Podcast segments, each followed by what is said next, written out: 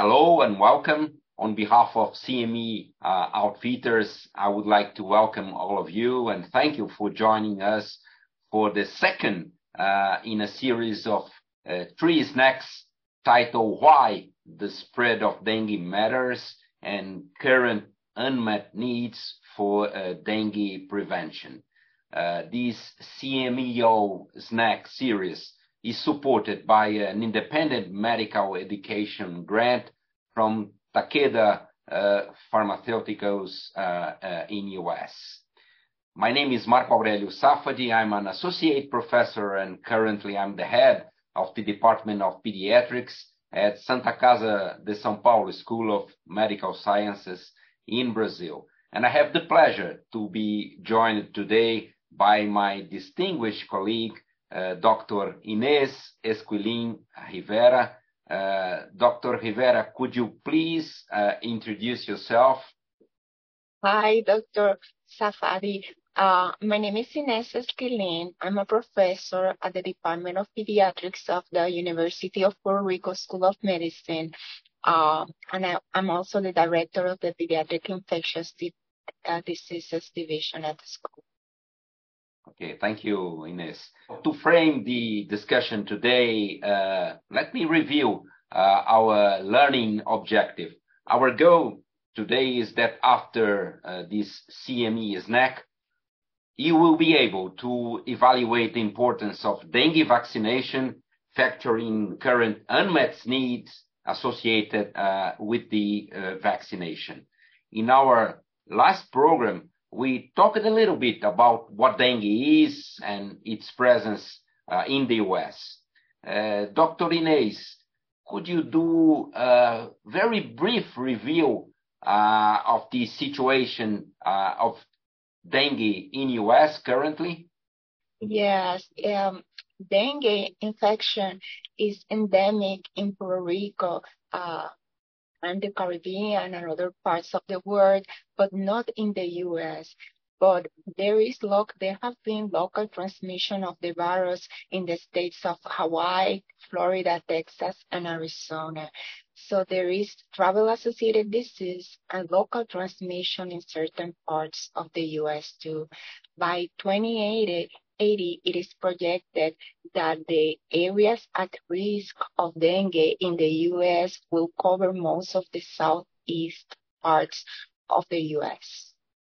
Okay, excellent. Uh, well, knowing uh, what is the current situation of dengue in U.S., let me know which are the current tools in terms of vaccination that you do have uh, in U.S.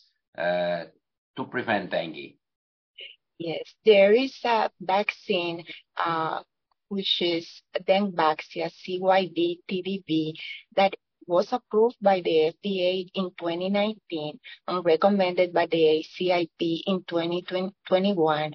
But there are some limitations with the use of the vaccine that we can discuss in detail, and it has been uh, probably related to the age indication, the requirement of a documentation of a previous dengue infection for those that will receive the vaccine and the access to the vaccine.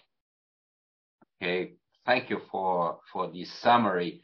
So let's go into more details in some of the, uh, let's say, challenges we currently have uh, in US with the current uh, vaccine options. Could you expand a little bit uh, on this uh, challenge that you see uh, for dengue prevention with the current vaccine that is available in U.S. Yes, this, this vaccine was approved for individuals uh, from nine years through 16 years of age. And they, there is, there are age-related concerns, specifically because 50% of the dengue cases in Puerto Rico are, are documented to be in people greater than 20 years of age. These are the, the cases that are report, reported to the health department. We think that there is much more dengue in the little ones, in children, especially in infants, because they could present with a non-specific febrile illness.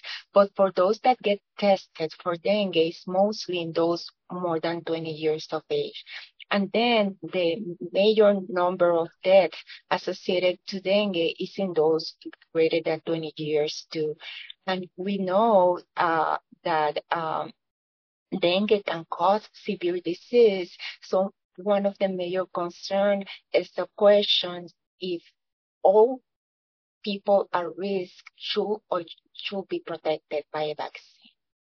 Then, uh, apart from the age, uh, the, in, the other indicate, indication related concerns, because it is approved only for people in endemic region, and that applies for Puerto Rico to Puerto Rico, but not for for people that travel to Puerto Rico and to other areas uh, that are endemic.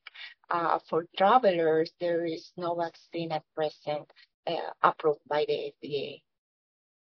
Okay, no, definitely having a, a major burden of disease outside uh, the age groups where the vaccine is currently licensed in U.S. is definitely uh, uh, an, an important limitation. But we have other points that we should also discuss in ACE. And one important point is the, the need uh, of having uh, previous laboratory confirmed infection before uh, vaccinating a patient with CYD TDV.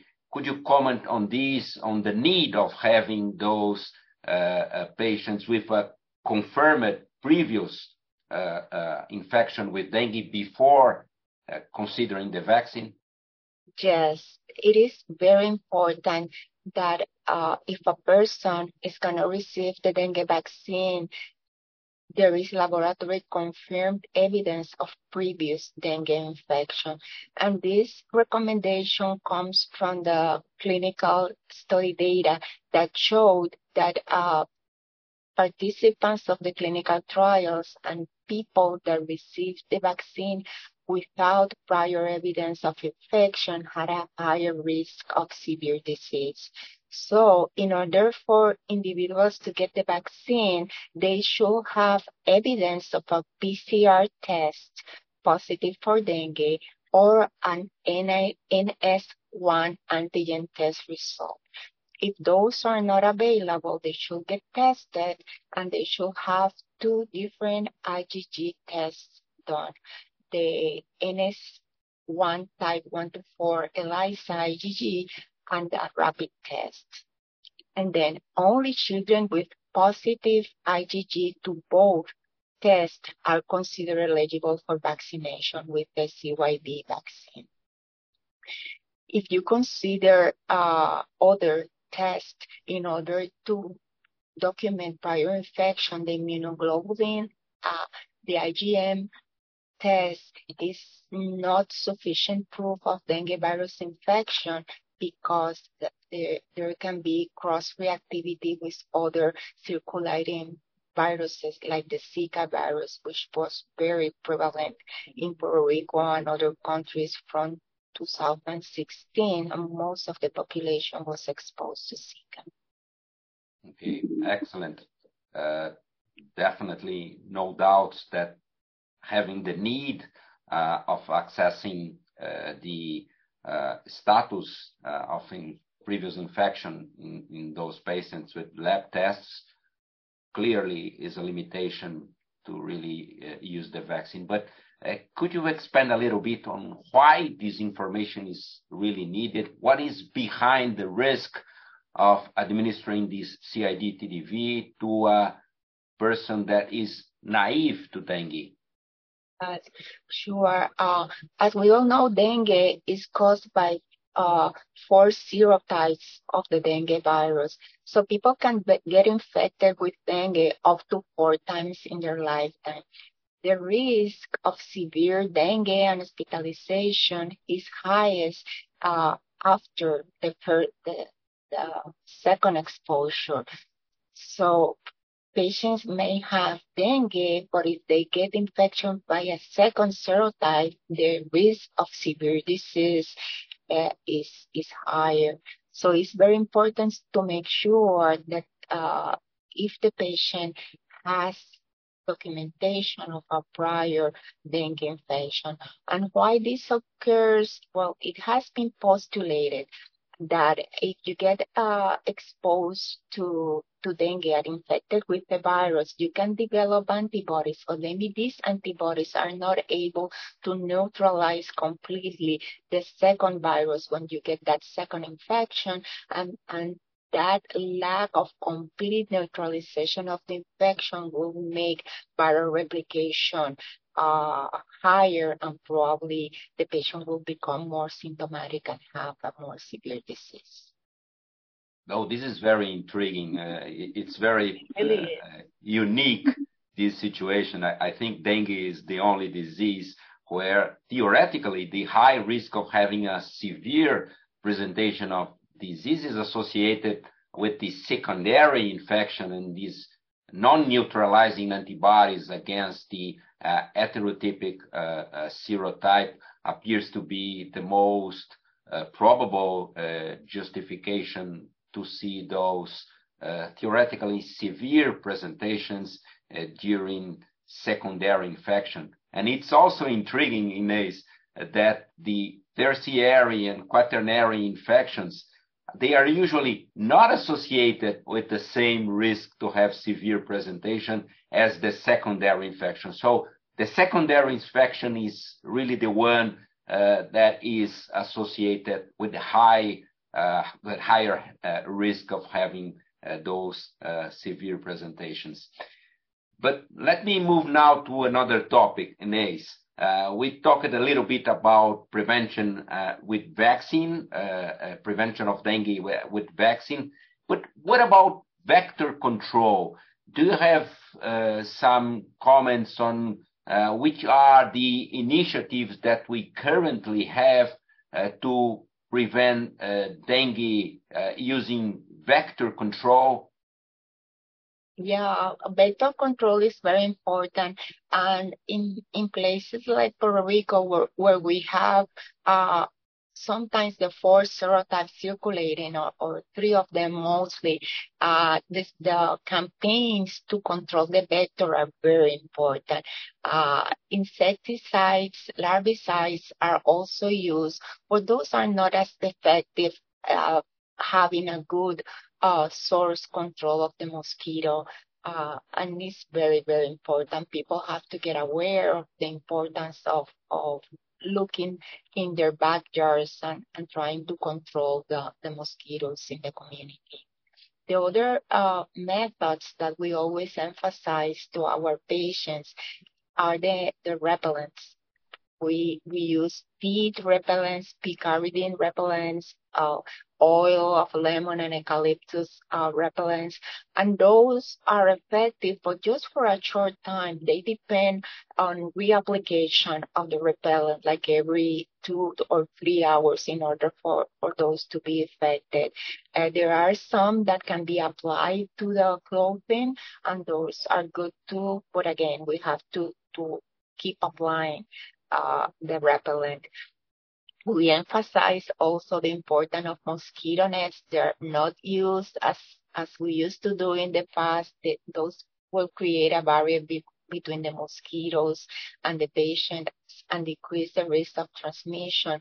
Uh, those are important too, but not used as, as before. So in general, that's why uh, the development of the vaccines is so important because the all other uh, methods that have been tried have not been as effective as we we would have wanted in controlling the mosquito and the transmission. Yeah, you are perfectly right. We have really failed to uh, really control uh, the vector, the Aedes uh, mosquitoes.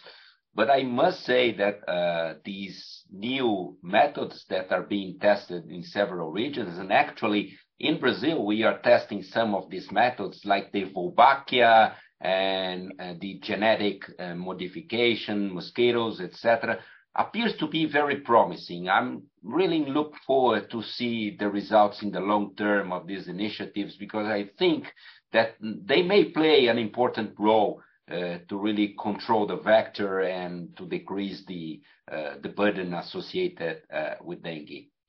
But Inês, let's finish uh, our program today with some real-world discussion regarding topics related to unmet needs in in the in the prevention of dengue. And the first one that I think it's an important point to be discussed, and how is it going in in your place, in your region, in your country, uh, the administration of the currently vaccine? Do you see a good coverage? Are persons really uh, having the possibility of uh, uh, administering the vaccine in your region, in your country?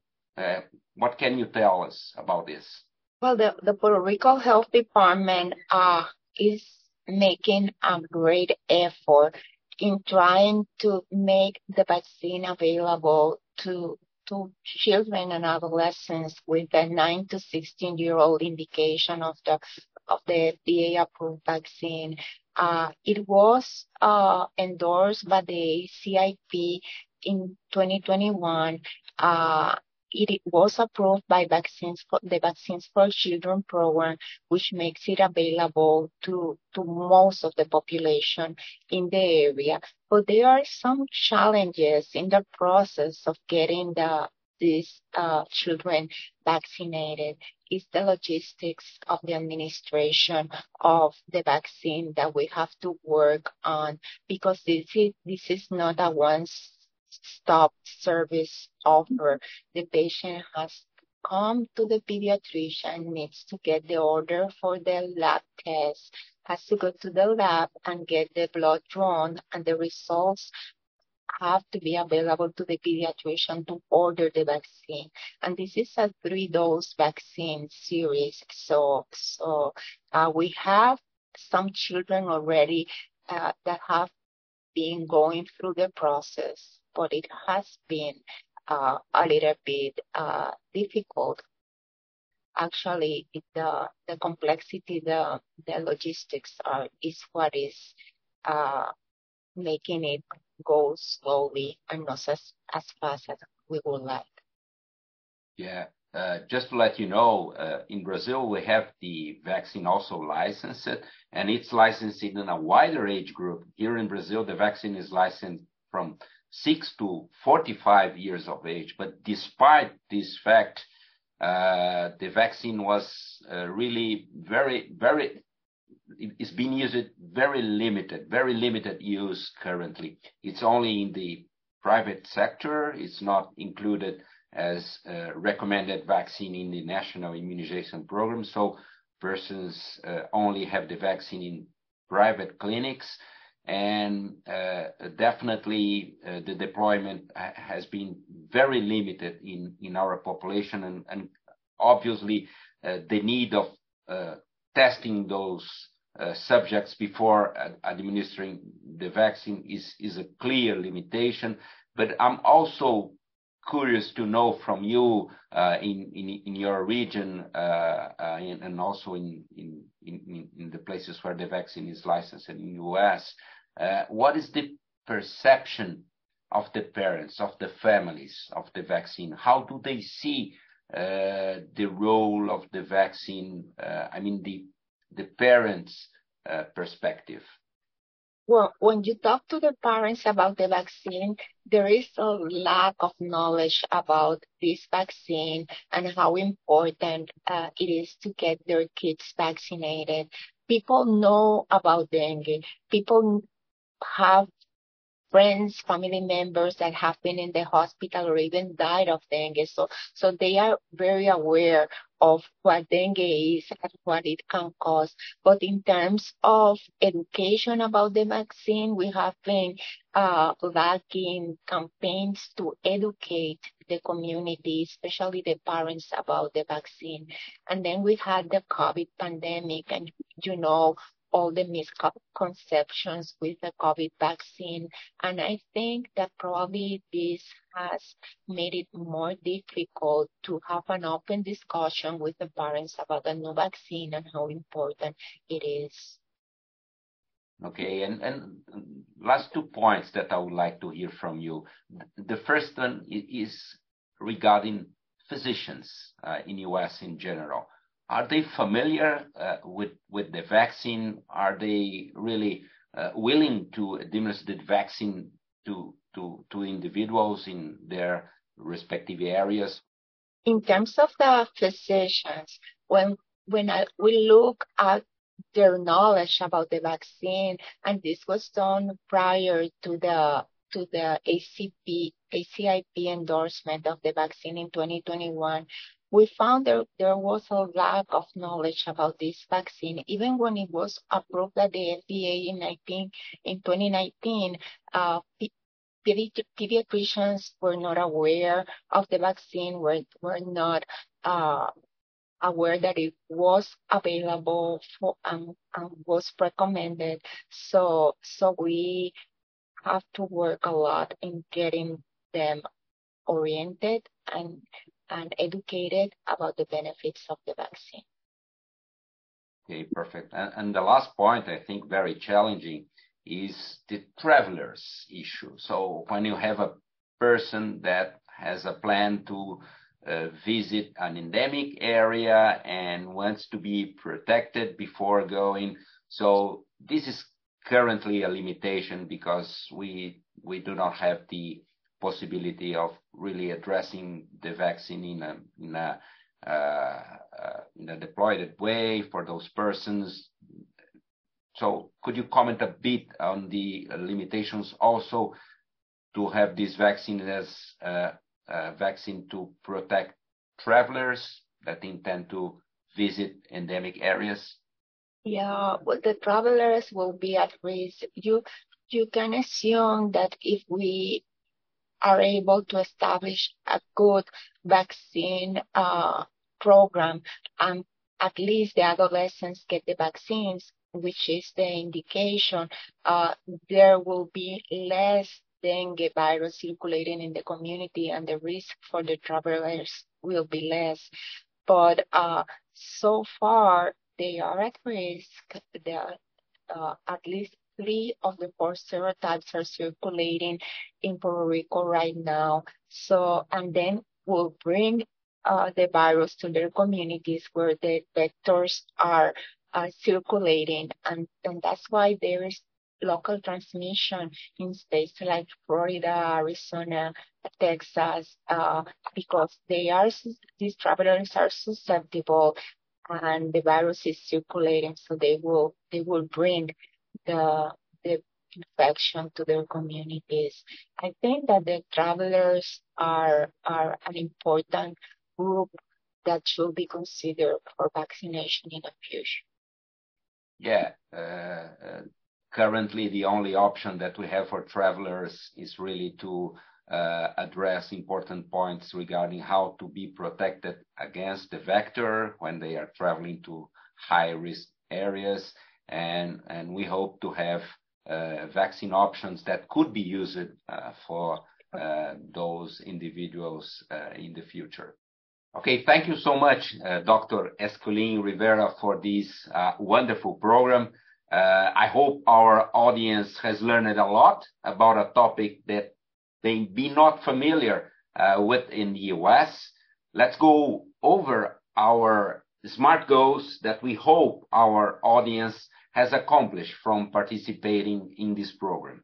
The first point is to characterize unmet needs related to dengue vaccination in the United States, specifically related to indication, to age groups where the vaccine may be used, uh, testing requirements, and also access barriers. The second point is to utilize scientific uh, knowledge Uh, related to dengue vaccination and also the ADE issue, the antibody-dependent enhancement, when determining patient eligibility for the available dengue vaccines.